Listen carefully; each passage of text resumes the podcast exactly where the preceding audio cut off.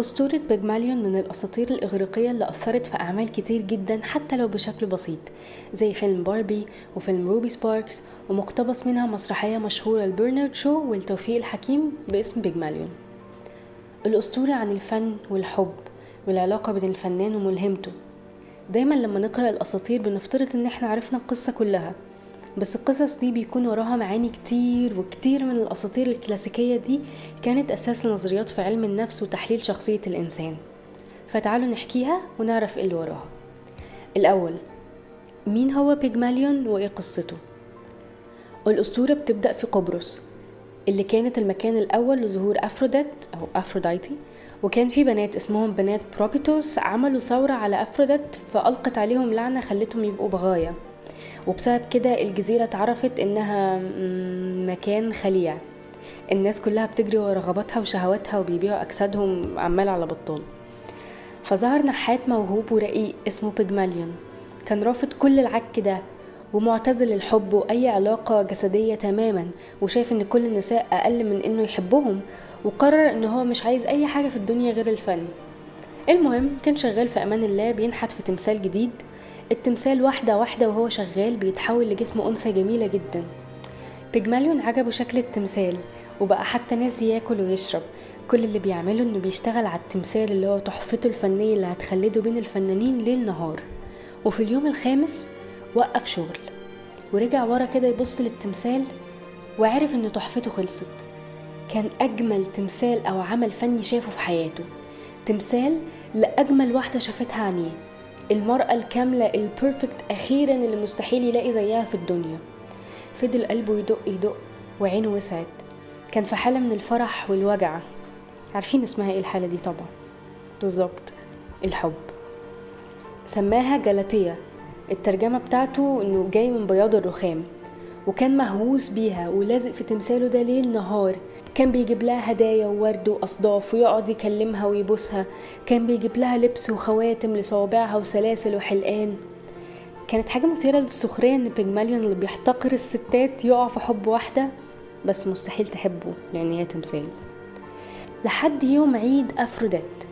اليوم اللي بيتجمع فيه كل أهل المدينة وناس جايين من كل مكان حتى برا المدينة عند معبد أفروديت يطلبوا منها الحب أو حتى نسيان الحب. وفي وسط الجموع اتسلل بيجماليون دفع رشاوي للحراس وعمل كل حاجة عشان يوصل لتمثال أفروديت. قعد قدامها وقال لها يا ربة الحب العظيمة يقولون أنك تحققين أماني العشاق المتيمين في يوم عيدك. حققي أمنية فنان مسكين يرجو أن تمنحيه فتاة حية مثل تلك التي صنعها من الرخام. حققي هذا وسأكرس كل حياتي وفني لمديح الحب. أفروديت عرفت كويس هو عايز إيه وطبعا اتأثرت بتبجيله ليها. فراحت للورشة بتاعت بيجماليون عشان تشوف التمثال اللي عامل الدوشة دي كلها بنفسها. ولما بصت للتمثال اندهشت من جماله. من كتر جمال التمثال حست أفروديت إن جلاتية شبهها في الجمال. فعشان كده منحت بيجماليون رغبته. رجع بيجماليون بسرعة لبيته وهو بيجري ويخبط في كل الناس لحد ما وصل. بس التمثال وبدأ يحس بحرارة في شفايف التمثال. طب هي دي حرارته عشان الحب ولع في الذرة وكده؟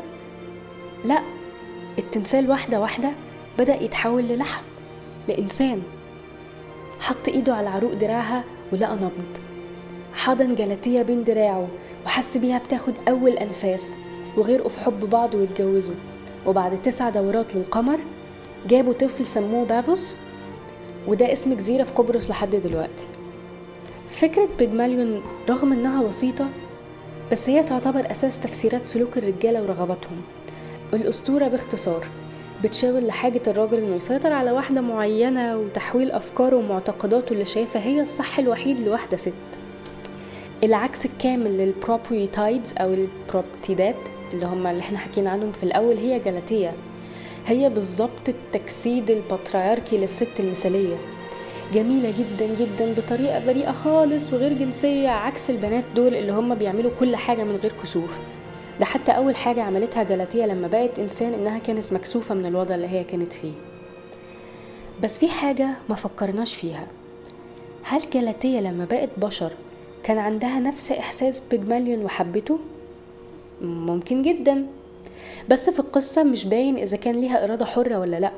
حسب قصيدة أوفيد اللي هو كتب قصة بيجماليون في كتاب ميتامورفوسس أو التحولات في القرن الثامن ما كانش في دليل إن جالاتيا عندها إرادة حرة. تحس إنها كانت امتداد لإرادة بيجماليون في الحقيقة هي ما قالتش كلمة واحدة من الرغم من إن هي بقت إنسان. بس برضو مفيش مساواة بينها وبين اللي عملها اللي هو بيجماليون بالمناسبة كمان أصلا في القصيدة بتاعت أوفيد ما كانش ليها اسم واسم جالاتيا ده كان بعدين في الروايات الأخرى للقصة. المهم عشان كده عايزة أحكي لكم عن مسرحية بيجماليون بتاعة توفيق الحكيم وإزاي غير في الحبكة اللي بالمناسبة أنا شايفاها واقعية أكتر. طيب في المسرحية بيجماليون بعد ما اتجوز جالاتيا وعاش في سعادة مع المرأة المثالية بدأ يحس إنها كانت أسمى وأكمل وهي تمثال. في مسرحية توفيق الحكيم بعد ما بقت إنسان حاولت تهرب مع نارسيس اللي كان صديق بيجماليون في المسرحية. ولما رجعت حس إنها سقطت من الفضيلة للخطيئة ومبقتش بيرفكت زي ما كان عايز فطلب من الآلهة إنها تصلح غلطها وترجع جالاتيا تمثال تاني. وفعلا رجعوها. بس بعد فترة مرض ووحشته جالاتيا وهي إنسان وطلب منهم يرجعوها له تاني عشان خلاص فهم غلطته. بس هم رفضوا لأن هي مش رخيصة فلما فقد بجماليون كل أمل عشان يلاقي اللي يرضيه سواء وجالاتيا عايشة أو ميتة ولأن حياته خلاص ما بقاش ليها معنى خاصة بعد تكسير التمثال مات. ليه شايفة نسخة المسرحية النكد دي واقعية؟ عشان محدش بيوصل للكمال ومحدش كامل. بيجماليون في المسرحية كان عايش صراع الإنسان في إنه يفهم القضاء والقدر صراع مستمر مع أحلامه وأمله العالم مثالي. بس مهما طار في سما الفن والمثالية والكلام ده كله هيرجع على وشه ويستسلم للواقع اللي بيفرض نفسه. بيجماليون كان شايف الجمال والحب حاجات مطلقة لازم تبقى زي ما هو عايزها مش حاجات نسبية وبتتغير وحقيقية فيها عيوب. رغم ان أسطورة بيجماليون تبان إنها قصة رومانسية من بره بس هي شبه معظم المواقف الذكورية. معظم. بيجماليون كان بيكره كل الستات وشايف إنهم تافهين وما يستحقوش حبه ان هم أقل من إنه يحبهم. بس الوحيدة اللي حبها هو اللي عملها.